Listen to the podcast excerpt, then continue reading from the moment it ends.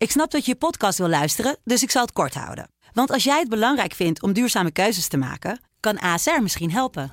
Nou hoor ik je denken, hoe dan? Nou, bijvoorbeeld bij het duurzaam herstellen van schade. Of de premies die we beleggen volgens ons duurzaam beleggingsbeleid. Dat bepaalt waar we wel en juist niet in investeren. Wil je meer weten over welke duurzame keuzes ASR maakt? Ga dan naar asr.nl/slash duurzame keuzes. ASR doet het. Zo, dan kan je nu lekker naar je podcast luisteren.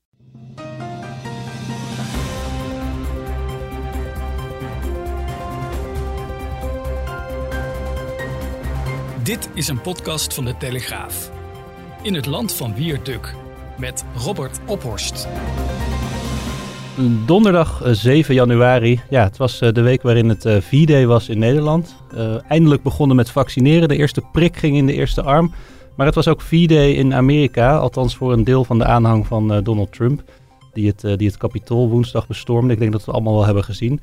Genoeg om, genoeg om over te praten, dus deze podcast. En dat gaan we doen ook. Wiert, welkom.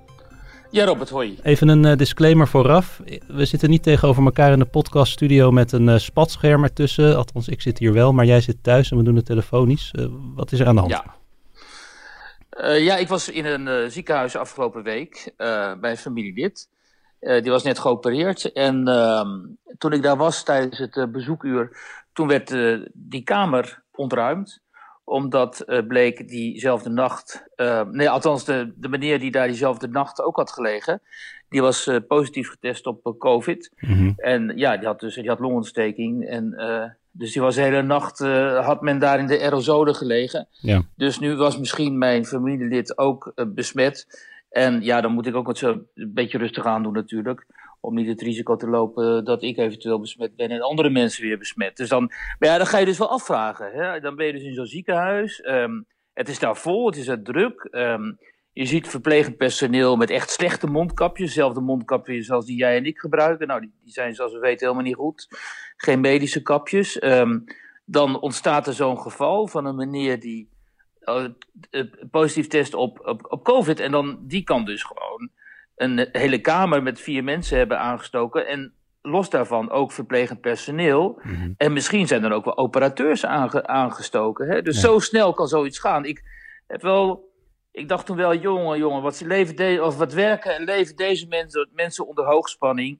En wat is het spannend voor hun om elke dag weer te moeten denken: ja, misschien ben ik vandaag wel besmet geraakt. Dat ja. is toch wel heel schrijnend hoor, om te zien. En dat gebeurt natuurlijk ook aan de lopende band. De uitval Precies. is enorm.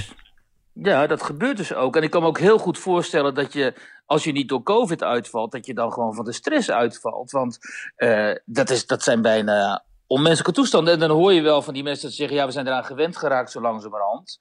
Maar ja, dat zijn die dingen die je graag wilt internaliseren. Want die stress die gaat zich op een gegeven moment toch wel uiten, denk ik dan. Um, maar goed, ik, stond, ik had twee conclusies. Ik was verbaasd toch wel over de niet zo goede um, uh, situatie daar. Slechte ventilatie, slechte mondkapjes, drukte op de gangen. En ik, was, ik uh, had nog meer respect voor het zorgpersoneel dat in dit soort omstandigheden, waarin ze toch wel enigszins, uh, nou ja, waarin ze toch wel in de steek zijn gelaten, vaak ook door de overheid, ja. moet werken. Als het goed is, worden ze nu in, in sneltreinvaart gevaccineerd. Daar gaan we het zo over hebben. Maar laten we, laten we even beginnen met woensdagavond, de VS. Ja. De, de, ja. de Great Constitutional Showdown in Congress. Carnage at the Ja. Capitol, Anarchy in the USA. Eh, nou, de, de, de, de, hyperbolen vlogen ons weer om de oren. Eh, Trump stort Ja. VS in chaos, kopte, kopte de Telegraaf vanochtend in de krant. Ja, ik, ik was Ja. hier eh, woensdagavond zelf aan het werk op de redactie. Ik was bezig met een verhaal van onze collega Edwin Timmer over de, de, lockdown in Nederland. En of die verlengd moet worden, dan wel verzwaard. Toen onze chef buitenland Frank van Vliet mij belde. En die zei, joh, ik ben aan het kijken naar die speech van Trump bij het Capitool op Fox News. En dit, eh, Ja. dit is historisch. En, en, en, en pas op, dit, dit gaat straks eh, misschien wel helemaal mis. Had Ja. jij dat ook? Ja, toen hij eh, echt opruiende taal begon uit te slaan en, hè, en bijna begon op te roepen zelf, laten we optrekken naar het kapitool en zo. En nog steeds ook beweren van, ja, de verkiezingen zijn gestolen en we gaan hier nooit aan toegeven en zo. En ook de vicepresident Pence eh, afviel. Toen had ik wel zoiets van, ja zeg, dit eh, gaat wel heel ver. Now it is up to Congress to confront this egregious assault on our democracy. And after this, We're going to walk down, and I'll be there with you. We're going to walk down to the Capitol, and we're going to cheer on our brave senators and congressmen and women. And we're probably not going to be cheering so much for some of them. Because you'll never take back our country with weakness. You have to show strength and you have to be strong. En uh, nu, nu gaat hij echt aan de grenzen van. Uh, nou ja, kijk, het is sowieso natuurlijk een president onwaardig. Maar hij ging daar ook aan de grenzen van wat uh, strafbaar is, volgens mij. Um, en uh, ja, en toen ging die massa dus naar het kapitool. En toen lag het ook al voor de hand uh, eigenlijk dat ze door zouden uh, stoten. Ik heb dit, moet ik zeggen, in het verleden zelf wel meegemaakt. In Rusland ben ik correspondent geweest. Ben ik ook wel bij dit soort situaties geweest. Waarin zo'n massa dan een soort eigen dynamiek ontwikkelt. Ja. en dan opeens doorbreken ze allerlei grenzen. En staan ze zomaar binnen de kortskeren. In dit geval was het dan in Moskou in het uh, Witte Huis. Mm -hmm. uh, gewapend en al. En dan denk je van zo, dit is, uh, hè, wat, dit zijn eigenlijk van die situaties dat je de, dat, waar, die je niet voor mogelijk houdt. Je nou ja, niet in de VS. Niet in Washington. Nee. Zeker niet in de VS. Hè. Het is een bananenrepubliek situatie. ik, we moeten uitkijken om in het hoofd van Trump te kijken hoor. En, en wat er gebeurde was natuurlijk wel in lijn met, met zijn taalgebruik. Um, maar denk je dat hij dit ook zo verwacht had? Nou, eigenlijk denk ik wel. En misschien had hij wel de hoop dat het dus uh, echt tot een revolte zou komen. Mm -hmm. uh, maar dat is natuurlijk allemaal speculatie. Het is enorm glad ijs. Maar gezien de retoriek die hij gebruikte, is het, was het. En ook hè, na afloop nog, hè, ja. toen hij dus mensen opriep om naar huis te gaan. Uh, met termen als hey, we love you en jullie zijn goede mensen en zo. We had an election that was stolen from us. It was a landslide election, and everyone knows it. We have to have peace. So go home. We love you. You're very special. You've seen what happens. You see the way others are treated that are so bad and so evil. I know how you feel. But go home and go home in peace. Daarin zie je toch wel sterk dat hij aan de kant staat van deze mensen die dus bereid zijn uh, om allerlei wetten te overtreden en um, zich op, op, op, een gewelddadige manier toegang te verschaffen tot zo'n uh, regeringsgebouw. Ja. Uh, of overheidsgebouw dan. Wat mij ook nog wel trouwens opviel. Je, je, je, zag, we hebben natuurlijk allemaal die beelden gezien van dat ze daar binnen, binnen rondliepen en selfies maakten en, en over elkaar heen buitelden. Maar ik zag ook een soort, soort verdwaasdheid bijna bij sommige mensen. Ze wisten eigenlijk niet zo goed wat ze nu eenmaal moesten toen ze binnen waren. Ja, precies. En dat wil ik toch wel even bij accentueren. Hè? Gebaseerd op de ervaringen die ik had hè? in die voormalige Sovjet-Unie. Ik heb daar echt extreem geweld gezien. En ik heb gezien hoe dit soort gebouwen gewoon kapot geschoten werden en kapot gebombardeerd met mensen die moesten vluchten. Voor, hè? En, uh, en, dat, dat, hè? en toen mensen begonnen uh, ook media, Amerikaanse media, ik, ik kijk naar CNNBC, uh, toen die begonnen te vervallen in retoriek als siege on America, America under attack from within en zo, dat soort dingen. Toen dacht ik wel, ja hallo, hoor even, inderdaad, hier deugt niks van, dit kan niet, maar die mensen lopen daar inderdaad gewoon door het gebouw selfies te maken. Um, het kan nog dus erger, bedoel je? En het, het, kan natuurlijk veel en veel erger. En dit was inderdaad natuurlijk niet het begin van de revolutie. Omdat een revolutie is het pas als delen van het leger of van de, uh, van de politie of van de overheidsorganen zich achter zo'n koep stellen. Hè. Er waren ook veel te veel mensen die veel te snel riepen: dit is een koep, een koeppoging en zo. Nee, dat was het natuurlijk niet. Dit was, uh, dit was een inderdaad, wat jij zegt, een soort verdwaasde uh, actie van een groep uh, zeer ontevredenen en die opgehitst waren notabene door de president van de Verenigde Staten, die ineens in die, in die gangen en in die, in die ruimtes stonden en inderdaad geen idee hadden van, ja, wat moesten we nou? Dus gingen ze maar op de voorzitterstoel zitten of ze, ze stalen iets van, uit een van die kamers en uiteindelijk zijn ze natuurlijk ook weer uh, weggegaan. Dus we moeten wel in perspectief zien dat dit vooral symbolisch natuurlijk. Symbolisch is dit van enorm uh, belang, omdat wat de wereld ziet hier is de grote polarisatie in de Verenigde Staten, die misschien wel uh, nog tot nog ergere situaties zal leiden. En ook het feit dat de Verenigde Staten als wereldmacht gewoon op dit moment um, in verval is geraakt, in zwaar verval is geraakt enorm met zichzelf in de knoop zit, met zijn eigen bevolking in de knoop zit, met zijn eigen kiezers. met zijn eigen elite ook, en met de eigen media ook, want die, die toonden zich gisteren ook weer van een hele slechte kant, CNN, CNBC en zo, die waren gewoon aan het opruien. En um, dat is natuurlijk een hele ernstige zaak, want hoe je het ook went of keert, je kunt heel veel kritiek hebben op de Verenigde Staten. En vooral op het feit dat de Amerikanen zo vaak oorlogen beginnen over de grens, zogenaamd tot democratie te brengen. Maar ik heb, uh, persoonlijk heb ik altijd wel liever de uh, Amerikanen als politiemacht in de wereld en als uh, machtigste natie dan bijvoorbeeld China of, of um, Rusland. Mm -hmm. Dus dat moeten we natuurlijk wel in ogenschouw nemen dat dit heel slecht is, ook voor ons als Amerika zo in verval is geraakt. En, op wie kunnen we dan nog terugvallen? Uh, ja, want op de Europese Unie kunnen we natuurlijk helemaal niet mm. terugvallen. En het zal een beetje raar zijn om te denken dat we op uh, onze eigen regering kunnen terugvallen. Dus dan is er niet zoveel. Hè? De Verenigde Naties, dat is natuurlijk mm. ook niet serieus te nemen. Dus er blijft niks over. En um, het, het ellendige is, en dat, dat, dat wil ik echt benadrukken, want ik had daar vannacht ook last van. Uh, dat is dat uh, het bijna onmogelijk is, en het is echt belangrijk dit. Het is bijna onmogelijk om nog de juiste analyse te maken over wat daar gaande is. Omdat in de ogen van uh, veruit het grootste deel van de me media en de commentatoren, en ook politici overigens, maar die spelen in dit geval minder belangrijke rol maar in, uh, in de ogen van veruit het grootste aantal analisten is het buiten kijf dat uh, Trump de schuldige is, hè, dat Trump de Amerikaanse democratie heeft gecorrumpeerd, dat Trump en zijn aanhang een bedreiging zijn voor uh, de democratische rechtsstaat in de Verenigde Staten, en dat we dus alles eraan moeten doen om Trump en die 74 miljoen mensen die op hem gestemd hebben, te neutraliseren.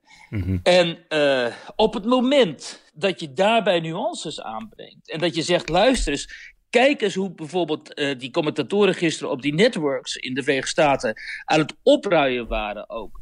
En kijk eens hoe uh, de Amerikaanse media de afgelopen jaren uh, hebben geprobeerd om het presidentschap van Donald Trump te ondermijnen. En waar waren die commentatoren eigenlijk de afgelopen maanden toen Black Lives Matter en Antifa hele steden of halve steden in de fik staken en overheidsgebouwen ook probeerden binnen te dringen. Hè, en geweld, daadwerkelijk geweld uitoefenden. En heel veel kleine ondernemers met hun winkels en zo um, uh, uh, bedreigden en hen ook hun winkels plunderden. Waar waren toen die commentatoren? Ja, die waren er niet. En als je dat zegt, dan zeggen die Hè, die mensen op links, zeg maar. Of die zeggen dat, ja, maar die werden niet aangemoedigd door de president van de Verenigde Staten. Nou, ik zal je zeggen, die werden wel, wel degelijk aangemoedigd door een deel van het politieke establishment. En zeker ook door een heel groot deel uh, van de media. Mm-hmm. En het ging gisteren zelfs zo ver dat een uh, collega-journalist hier in Nederland uh, bij de Telegraaf aanklopte op Twitter met de vraag of Wierduk kon worden ontslagen misschien omdat ik zei uh, dat ik uh, dat uh, opruien van um, die commentatoren op die Amerikaanse networks, dat ik dat onkies vond. Kijk, dan zijn we echt zo ver van huis. Want dit kan alleen maar herstellen. Omdat dit gaat misschien ook wel overwaaien naar Europa, dat weet je niet. Dit kan alleen maar herstellen als er in ieder geval op een eerlijke en op een volwassen manier een analyse kan worden gemaakt. En, dat, en in die analyse moet ook worden meegenomen dat deze mensen die op Trump hebben gestemd, op hem stemmen omdat er een cultuuroorlog gaande is waarin mm-hmm. zij, vinden zij, uh, de verliezers zijn. Ja, want uh, even over, die, over die betogers hè, die we gisteren hebben gezien. Uh, onze minister van Hoop, Sigrid Kaag, zou dan vragen, wie zijn die mensen? Juist. Nou zeg het eens. Nou ja, dat zijn dus uh, uh, de deplorables, hè, zoals um, uh, Hillary Clinton mm. het noemde. En dit zijn natuurlijk voor een heel groot deel de mensen die het niet hebben gered. Die, kijk, de harde kern, hè, die geweld pleegt en die daar alleen maar is om, rellen, om te rellen en zo, die moeten we even buiten beschouwing laten. We hebben het hier over 74 miljoen Trump-crisis. Die kun je niet allemaal afdoen als uh, gewelddadige uh, of anarchisten of deplorables. Er zitten natuurlijk hele lagen, hele verschillende sociale, economische en sociaal-economische lagen ook in. Maar in, in de kern heb je natuurlijk te, ma te, maken met mensen die zeggen dat ze, met conservatieven, die zeggen dat ze Amerika willen behouden zoals het was. Uh, dat ze vrijheden willen, hè, dat ze willen staan voor hun vrijheden, hun individuele rechten, hun rechten op het dragen van, uh, van wapens. Ze zijn natuurlijk vaak tegen abortus. Hè, ze vinden dat in het onderwijs veel aandacht moet worden besteed aan de, aan de uitzonderlijkheid van de Verenigde Staten. Ze zijn natuurlijk vaak ook voor God en gebod, dus vaak gelovig. En ze zien in die hele woke ideologie die op hen toekomt vanuit de grote steden, zien zij een bedreiging ook voor het christelijke Amerika, het christelijke mm Hartland natuurlijk. Omdat dat is, hè, dat is in hun ogen is het communisme. Dat zie je ook goed in die reportage die we vandaag van Jan Postman, onze collega, in de krant hadden. Hè, die mensen, voor die mensen is het echt, een aantal van hen schoot ook vol, hè, schreef Jan. Van, is je met hen aan het praten, dan hebben ze tranen in hun ogen, omdat zij vinden dat Amerika, waar zij kennelijk zoveel van houden, dat Amerika althans, dat het echt onder, uh, dat het bedreigd wordt. En, dat, dat, uh, en dan zien ze in Joe Biden, dat is ook wel grappig, een socialist. Mm -hmm. hè, ze zijn echt bang voor een communistische machtsovername. En dat kun je allemaal afdoen als, jonge jongen, wat, wat een sneuwe mensen die helemaal in complottheorieën verzeild zijn geraakt en die te veel op Twitter en op andere sociale media zitten en daarom denken dat het communisme om de hoek staat. Maar vergeet niet binnen de Democratische Partij, maar ook binnen vooral die media, is een hele radicale kern die inderdaad die woke rassenideologie aan het uitdragen is. En die voor deze meest blanke mensen, blanke mannen, echt een concrete bedreiging uh, uh, vormt. Hè? En deze ja. mannen worden ook vanuit, die, vanuit dat milieu, worden zij ook telkens toegesproken met een enorm dédain. Zoals Sigrid Kaag het eigenlijk ook deed. Hè? Wie zijn deze mensen eigenlijk? Alsof ze niet het recht hebben om te bestaan. Hè? Nee. En dat zie je dan met die, die, die, die journalist die mij dan ook op Twitter aanspreekt die wil mij ook cancelen, weet je wel. Die wil dat ik niet meer werk, omdat het, ze ontzeggen jou dus het recht op je mening en in feite op jouw bestaan. Maar nog heel even over, want, maar Trump heeft natuurlijk een uitstekende neus gehad en nog steeds voor de bron van onvrede bij, bij grote groepen Amerikanen. Hè, die, die, wat jij zegt, vermalen zijn door de globalisatie. Hij heeft ook een uitstekende neus voor, voor de prioriteiten van, van, van die arbeidersklasse. Uh, en hij is een meesterverkoper, maar hij heeft natuurlijk eigenlijk geen enkel benul getoond van wat de democratische rechtsstaat inhoudt. En hij heeft misschien eigenlijk ook wel nu die kiezers in de steek gelaten door het op deze manier te laten ontsporen en ze op deze manier uh, uh, ja. te, te bejegenen. Dat, dat, dat, is nou, dat is natuurlijk de vraag van dit presidentschap. Hè. Was iemand uh, anders dan Donald Trump die wel die agenda had gehad en die wel de, de, inderdaad die, die, dat instinct had gehad dat die mensen in, dat, in, de, in die flyover count, uh, uh, staten, dat dat zijn publiek is, dat dat zijn kiezers zijn. Uh, maar die minder um, onvoorspelbaar en irrationeel en laten we, laten we zeggen bij tijd en wijle ook gewoon krankzinnig was geweest dan Trump, had, was, zou die wel in staat zijn geweest om uh, die agenda uit te voeren zonder dat die liberale media en de democraten uh, al diezelfde pogingen zouden hebben gewaagd om hem te ondermijnen. Dat kun je natuurlijk afvragen. Hè? Je kunt je ook afvragen, is, was dit alleen maar te doen door iemand met dat merkwaardige uh, narcistische bulldozer karakter van mm -hmm. uh, Donald Trump? Um, dat is ook een beetje de vraag ook... die wij in, in een van de verhalen die nu online staan bij de Telegraaf stellen. Is het nou was dit het gewelddadige einde van een presidentschap of is het het begin van uh, een tweede burgeroorlog? Uh, ik denk niet het eerste. Ik denk dat, het, uh, dat deze, die bestorming van Capitool, dat dat een signaal is uh, van een ontwikkeling die al heel lang gaande is natuurlijk, hè, al, mhm. al, jaren gaande is. En die is natuurlijk niet afgelopen, omdat die, die de miljoenen kiezers van Trump, ja, die kunnen nergens naartoe. En die gaan echt niet uh, uh, in op het aanbod van Joe Biden toen hij gekozen ja. werd om te verbinden, omdat het aanbod ook lachwekkend was. Omdat juist vanuit die democratische partij en vanuit de liberale media zijn deze mensen jarenlang bespoeld ja. en belachelijk gemaakt en verdacht gemaakt. En dan opeens als ze weer de macht hebben, zoals Biden, dan doen ze een aanbod om de handen ineen te slaan. Ja, daar gaan die mensen natuurlijk niet meer op in. En daarom is het ook zo kwalijk, die polarisatie. En daarom is die polarisatie in Nederland die gaande is ook zo kwalijk.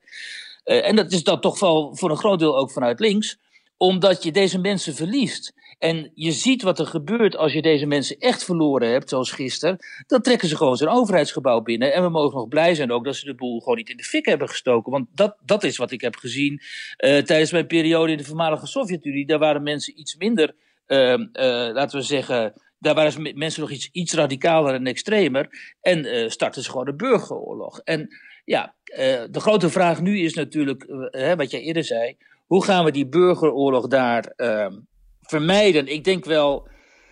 eerlijk gezegd, natuurlijk dat dat mogelijk is, omdat ehm, die, die Amerikanen zijn natuurlijk ook niet gek. En de meesten leven gewoon hun leven. En dat, dat wil ik wel even zeggen. Ik sprak met Thijs van der Brink. Die, is, ehm, die had een hele mooie serie, documentaire serie, voor de, ehm, tijdens de verkiezingen of tijdens het Trump-presidentschap over christelijke kiezers van Donald Trump. Die is, die is toen op reis gegaan in Michigan en in Texas en heeft een aantal, een groot aantal mensen gesproken over de redenen waarom zij op Trump stemden als uh, christen. Want dat kon hij dus niet begrijpen. Hij is zelf ook christen, hij werkt voor de EO. En hij is nu net terug geweest tussen kerst uh, en uh, oud en nieuw in die periode. En hij heeft die mensen weer opgezocht en weer gesproken. ja, die zijn natuurlijk teleurgesteld. En een groot aantal van hen die is ervan overtuigd dat die verkiezingen zijn gestolen. Hè? Dus stop de steal en zo. Mm-hmm. Maar zegt Thijs... Ja, die meeste van die mensen, dat zijn natuurlijk gewoon echte individuen, echte Amerikanen en optimisten. En een groot van, aantal van hen heeft gewoon eigen onderneming, eigen bedrijf. En die, die zeggen, joh, Biden overleven we ook wel hoor. Eh, God is in control en we gaan gewoon verder met ons leven en met geld verdienen. En uh, we zien wel over vier jaar. Hè, waar ze zich wel bang, zorgen over maken, is dat die dat Kamala Harris dan snel aan, de macht zal komen, omdat ze niet geloven dat Biden die rit uit gaat zitten. En dat dan die echt die radicale agenda van de van, ja, van Black Lives Matter en zo. En die woke ideologie, dat die uh, prominent gaat worden en dominant. Daar zijn ze bang voor, want dat, vindt, dat, dat tast de ziel van Amerika aan, van het christelijke Amerika. Maar het is niet zo dat ze allemaal in een hoekje zitten te bibberen of nu allemaal staatsgreepplannen aan het maken zijn. Dat, dat, zo zijn Amerikanen natuurlijk ook niet. Die zijn in, in, toch in eerste instantie staan ze voor zichzelf als individu en hun gezin. Vooruitgangsoptimisten, toch wel. Ja, ondanks dat ze heel conservatief wel. kunnen zijn. Ja, weet je, kijk, jij hebt waarschijnlijk ook ervaring met Amerikanen. Het zijn toch vaak gewoon hele hartelijke, leuke uh, mensen die uh, in ieder geval niet zoals Russen helemaal zich kunnen storten in diepe melancholie en zo. En ze kijken toch meer naar de toekomst en grijpen hun kansen. En, uh, en, en die overheid willen ze gewoon altijd op afstand houden, natuurlijk. Vooral deze conservatieven. Dus zolang die overheid zich niet te veel met hen bemoeit. en zolang Joe Biden niet de, de belastingen al te zeer omhoog zal schroeven. Zitten ze die periode ook wel uit. Hoop en denk ik, tenzij. Uh, vooral die media, waar ik toch wel erg kritisch op ben.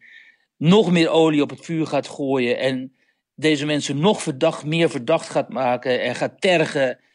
Je kunt er natuurlijk uh, niet mensen blijven tergen. Hè? Dan is er op een gegeven moment ook, uh, komt dat tot een uh, ontlading. Maar laten we hopen dat dat niet het geval zal zijn. Laten we even doorgaan op hoop. Want het was natuurlijk woensdag 4D in Nederland. Volgens Diederik Gommers een nieuwe fase. Eh, we hebben bij de Telegraaf het, het, vaccinatiebeleid en de vaccinatiestrategie natuurlijk zeer kritisch gevolgd. En dat, dat blijven we ook doen. Maar ik moet zeggen dat ik mezelf toch woensdag wel een uh, moment van uh, optimisme en hoop gunde. Ja. Had jij dat ook toen die eerste naalden de arm ingingen? Het is een historisch moment op dit moment.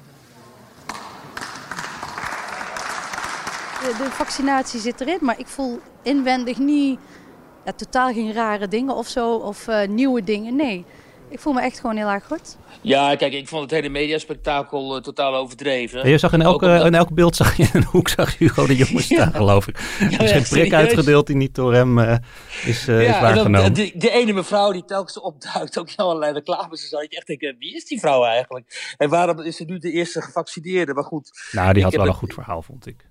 Ja, dat was ook wel zo. Um, uh, ja, natuurlijk uh, hoop je erop dat, dat, dat, dat, dat dit vaccin de ommekeer is. Mm-hmm. En uh, dat wij zo spoedig mogelijk um, zoveel immuniteit bereiken door al die vaccinaties, dat we gewoon weer vrijer um, onze samenleving kunnen. Uh, Heb jij nou uh, afgelopen week kwam, dat, kwam dat vaccinatieplan werd gepresenteerd door de jongen. Nou, dat was, was niet voor niets vormgegeven met puzzelstukjes. Want je moet er echt even naar kijken om te zien wanneer je dan in theorie aan de beurt bent. Heb, heb, heb, jij dat ook meteen gedaan? Heb je meteen dat erbij gepakt om te kijken wanneer, wanneer mag ik?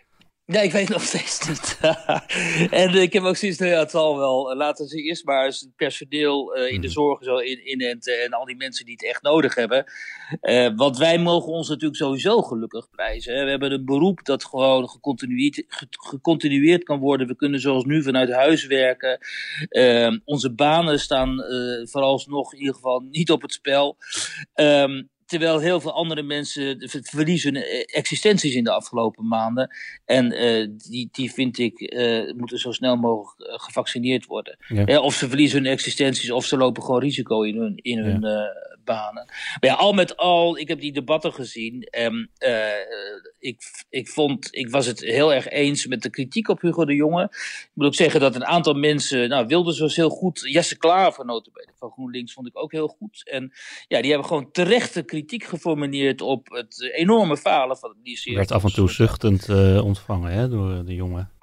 Ja, de jongen die dan zegt ongelooflijk en maar loopt te zuchten en zo. Terwijl ja, hij kan toch moeilijk claimen dat hij hierin een uh, goede prestatie heeft geleverd. En um, daar hebben we het al vaker over gehad. Maar dat, dat moet toch echt na deze crisis onderzocht worden. Hoe, hoe het kan zijn geweest dat Nederland in deze crisis gewoon het slechtste jongetje van de klas was in Europa. Terwijl we een van de rijkste en meest hoogopgeleide landen zijn. Dat, dat, moet, natuurlijk, dat moet natuurlijk helemaal niet kunnen, zo'n zo discrepantie. Het ziet er allemaal heel uh, gedetailleerd uit, hè, die vaccinatiestrategie. Maar als je goed kijkt, dan zitten er ook ontzettend veel onzekerheden in. Sowieso, ik behoor dan tot de groep 18 tot uh, eh, 60-jarige gezonde thuiswonende volwassenen. Dan heb ik ja. ook een, een tijdspanne van ik meen mei tot en met september waarin ik uh, aan de beurt ben. En dat is natuurlijk best wel een lange periode ook. Maar, dus het gaat nog wel even duren. Is het nou het begin van de eindfase van de pandemie of het einde van de beginfase pas?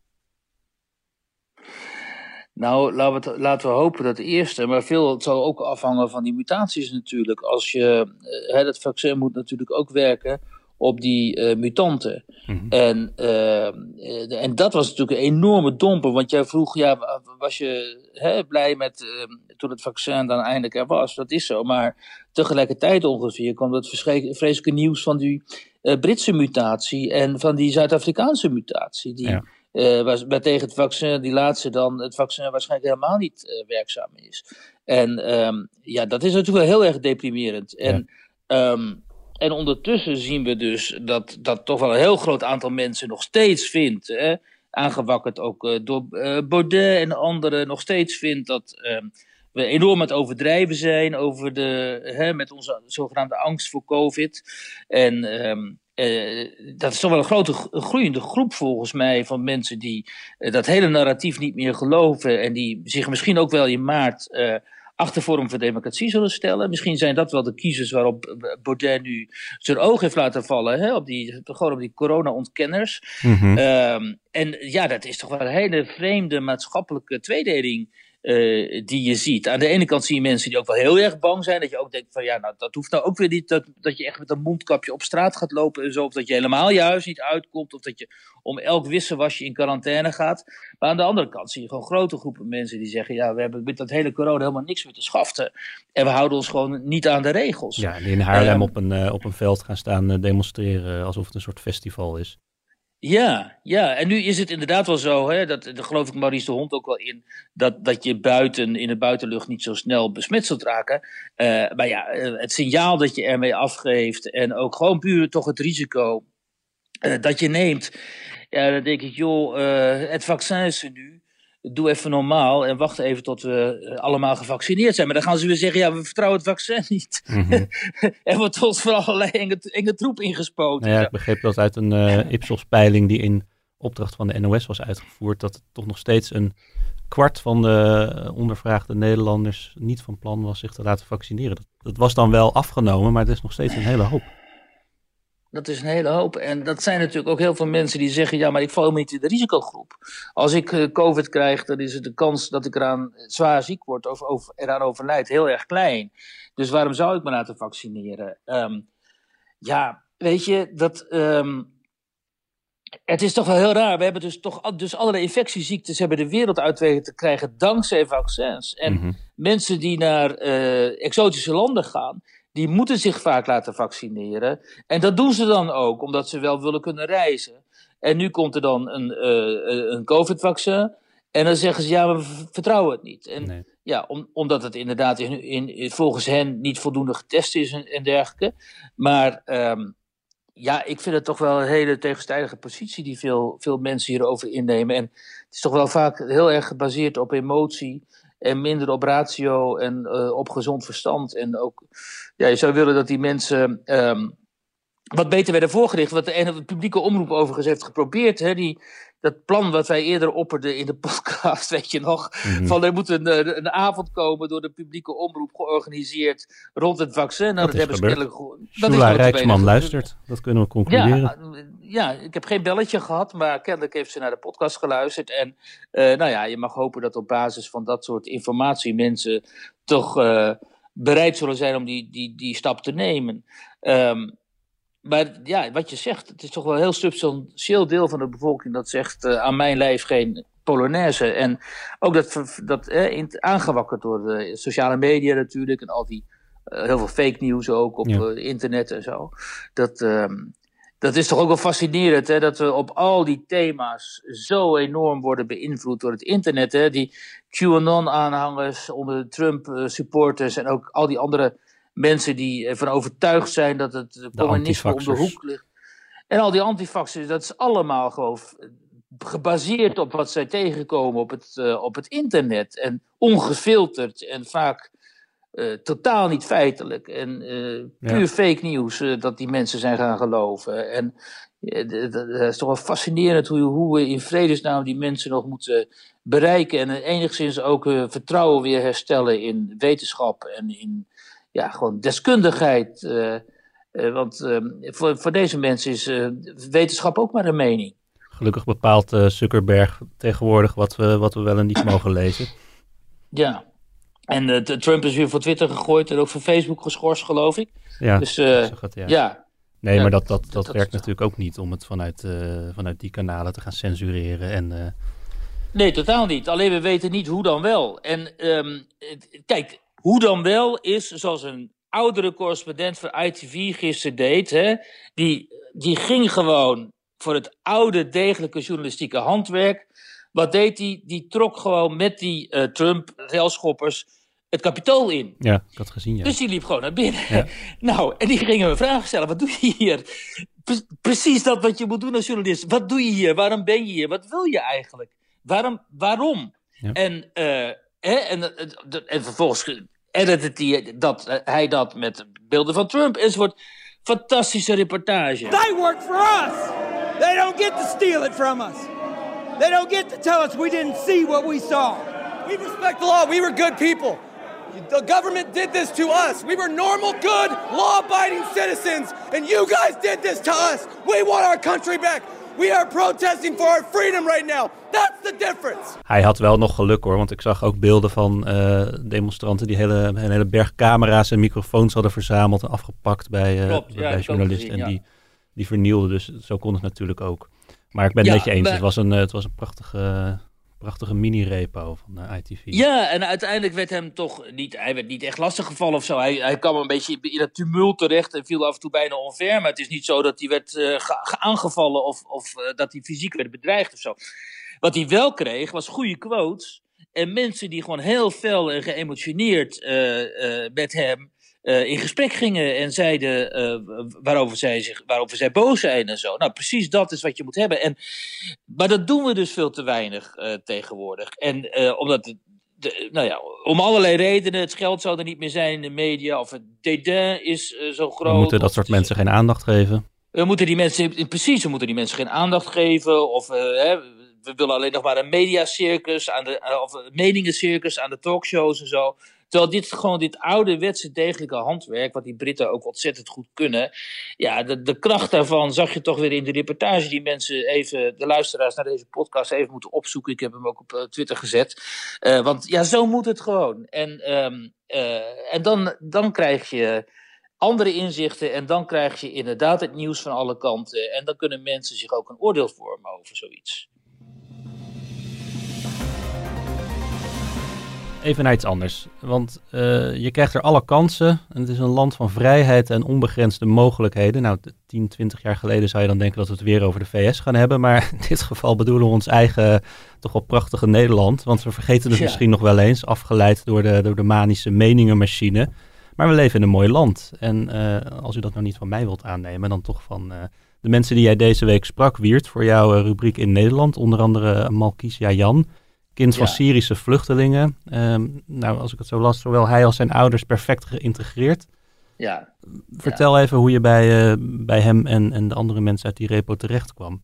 Malkus, die zag ik um, twitteren over uh, als VVD-gemeenteraadslid, als uh, gemeenteraadslid voor de VVD in Enschede, over een AZC. Dat, er zijn plannen voor een nieuw AZC in Enschede en hij is, is daar tegen. Zijn partij is daar tegen, hij, hij is er ook tegen. En hij zegt dan van ja, ook ik ben tegen, ook al ben ik kind van vluchtelingen en ook al zijn mijn ouders ooit opgevangen in Nederland.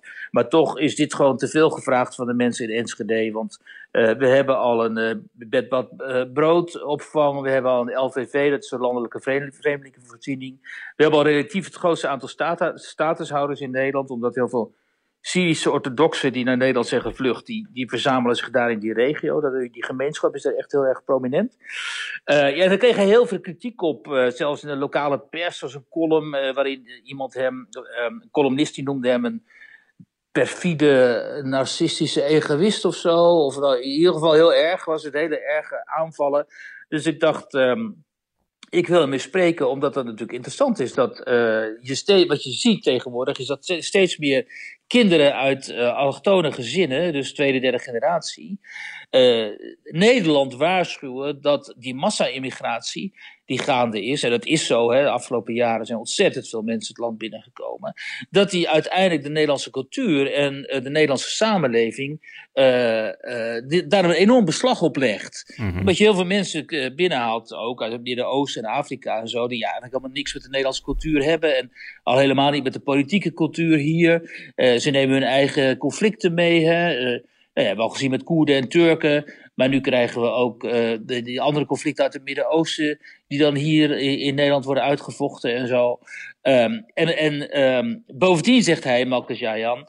Uh, wat je ziet in die AZC's, dat is dat daar heel veel mensen zitten. die uh, helemaal nooit.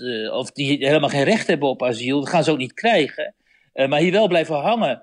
Um, soms wel gewoon hè, langer dan tien jaar. En dan doen ze een echt een aanslag op het Nederlandse verzorgingsstelsel.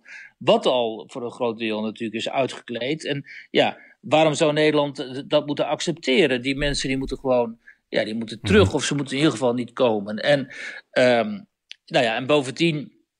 Ik had nog een andere jongen gesproken, ook een Syrische jongen, Adam Ismail, die zich ook op, op, op, sociale media hierover uit. Die is homoseksueel, ook een Syrische vluchteling. Leraar Engels in Amsterdam. En uh, vanuit zijn homoseksualiteit waarschuwt hij, want hij zegt ja, uh, we, we, kunnen wel open hart, de grenzen openzetten, zoveel mensen binnenlaten, maar we laten ook heel veel mensen binnen die uh, gewoon uh, vijandig zijn jegens homoseksuelen, ja. jegens vrouwen, jegens niet-gelovigen. Merkt hij dat ook in zijn werk? Hij staat voor de klas. Dat, merkt hij heel erg, want hij woont in Amsterdam dus. de tele telefoon viel trouwens op de grond. Hij woont in Amsterdam. Um, uh, daar wordt hij regelmatig op straat en in de metro of in de tram en zo uh, aangesproken. Hij ziet er ook wel heel uh, flamboyant uit. uit. Ja, hij heeft ontzettend lang haar en zo. Mm -hmm. maar goed, hij verstaat Arabisch, dus dan hoort hij hoe mensen in het Arabisch in de tram over hem praten. En hè, over dat, dat zal wel homo zijn en zo, dat soort dingen. En dan spreekt hij die mensen aan. Uh, en dan schrikken ze natuurlijk enorm dat hij, dat hij Arabisch kan. Um, en die jongen zegt ook: uh, ik, heb, ik heb zelf in de asielzoekerscentrum gezeten. En ik heb gezien hoe daar um, gelogen werd en gefraudeerd. Bijvoorbeeld zegt hij. Uh, Libanezen die zich dan voordoen als Syriërs. Mm -hmm. Of uh, anderen die zich voordoen als homoseksuelen, terwijl ze dat helemaal niet zijn. Hè, en hij sprak ook met een Syriër die zei: Ik ben hier alleen maar in Nederland gekomen om te proberen hier mensen tot de islam te bekeren. Ehm, dus hij zegt: Jullie moeten gewoon niet zo naïef zijn, jullie zijn veel te naïef. Uh, en dat zeggen zij vanuit enorme liefde voor uh, Nederland. Deze beide mannen die zeggen van ja, Nederland is gewoon een fantastisch land. Je krijgt alle kansen. De ouders van um, uh, Malkis hebben ook gewoon die kansen gegrepen. Die zijn weer aan de slag gegaan als onderwijzeres en als stedenbouwkundige. En hij zelf dus ook. Hij heeft gestudeerd en heeft gewoon een loopbaan nu binnen die VVD. en ze zeggen, jullie moeten je niet zo laten intimideren ook door die mensen die zeggen dat Nederland een door en door racistisch land zou zijn. Want dat is helemaal niet. En dat is Nederland helemaal niet. En uh, Marcus, Jajan heeft een hele mooie anekdote. Die zei, hij vertelde zijn ouders, die waren in Assen, waar ze, waren ze neergestreken. En daar kenden ze helemaal niemand. En toen ontfermde een gepensioneerde Nederlands uh, leraar, leraar Nederlands zich over hem. Uh, echt zo'n oudere blanke man die nu zou worden weggezet als waarschijnlijk een racist, hè, want oud, blank. Nou, je weet Boze witte man. Boze witte man. Maar die deed dus alles voor hen. Die, die eh, leerde hen van alles over Nederland, en leerde hen de taal. Hij nam die kinderen mee in de auto, want zij hadden geen auto, dus hij nam die kinderen mee. En uiteindelijk werd hij de peetvader voor eh Marcus, Henk heette die. Mhm. Ehm, ja, dat was gewoon, dat is een van die vele Nederlanders, heel, dat hoor je heel vaak, dit soort verhalen, die zich gewoon bekommeren om eh, vreemdelingen. Ehm, en dan zegt Marcus ook, dan is het toch ongelooflijk dat jullie je laten aanpraten dat, hè, door dat Nederland zo'n racistisch land zou zijn, terwijl dit mijn ervaring is en onze ervaring. Ehm, nou, dat vond ik een heel interessant verhaal om eh, op te tekenen, omdat het ook weer eens een keer een ander beeld geeft van eh, ja, mensen uit het allochtoon milieu. Ja. Een lofzang eigenlijk op de vrijheid en de tolerantie, hè? Was het. Ja, precies, dat was het inderdaad. En de vrijheid en de tolerantie die in Nederland ook onder enorme druk staan. En dat moeten wij be- behoorlijk in acht nemen. En moeten deze waarschuwingen van deze mensen die weten hoe het is om niet vrij te zijn. Hè, die weten hoe het is als je niet jezelf kunt zijn. En als je niet eh, in staat bent omdat je daar wordt tegengewerkt, ofwel door een re- religie, of door een ja, cultuur, of door een regime, om jezelf te ontwikkelen. Deze waarschuwing moeten wij heel serieus nemen, omdat eh, dit moeten wij ons, eh, dit, we zijn verplicht om ons eh, dit te harte te nemen, laat het zo zeggen. We gaan afronden, Weert. Ehm, volgende week moet er, nou, als ik het goed heb, nog een besluit worden genomen of de, de, de lockdown na 18 januari verlengd wordt of versoepeld of misschien wel verzwaard. Wat denk jij dat er gaat gebeuren? Ik denk dat die verlengd wordt, net als in Duitsland. Dat vrees ik met grote vrezen. Eh, als die cijfers niet eh, drastisch naar beneden gaan, vrees ik dat ze gaan verlengen. Ja, het ziet er niet goed uit hè, qua cijfers. Nee, dat ziet er niet goed uit. En eh, dat merkt je ook wel uit die toespraken van Rutte en anderen. Dat ze vinden dat dit, ja, dat, dat, dit, dat dit niet houdbaar is. En ik vrees met grote vrezen dat, die, dat ze het gewoon tot eind januari gaan verlengen. Maar in dit geval word ik heel graag gelogen gestraft, eh, eerlijk gezegd. Nou, laten we ons daar dan aan vasthouden. Ehm, Ja, hartelijk dank weer. Iedereen ook eh, bedankt voor het luisteren. En eh, graag tot volgende week. dankjewel. Meer podcasts luisteren? Probeer dan ook eens de voetbalpodcast Kick-Off van De Telegraaf. Met chef voetbal Valentijn Driessen altijd met een scherpe mening. Hatenboer ja, kan eigenlijk niet voetballen en Dumfries ook niet. Met Ajax-volger Mike Verwij altijd met het laatste nieuws. In München heeft hij Ten Hag gesproken. Mhm. En die ging met 180 kilometer een doodlopende straat in. En daar heeft Tadic hem hoogstpersoonlijk uitgehaald. En ikzelf, Pim CD, probeer het allemaal in goede banen te leiden. Ja, jij snapt nee, dus ook en geen jij snapt van. het ook niet. Jij kan ook geen teammanager worden. Ik begin aan die fles Hey. wijn nou jongens, als Hey. jullie mij zo gaan aanvallen. Elke vrijdagavond in uw favoriete podcastplayer en natuurlijk op de site en app van De Telegraaf. Het somt me wel veel. Volgens mij die eh wijn azijn of azijn. Zijn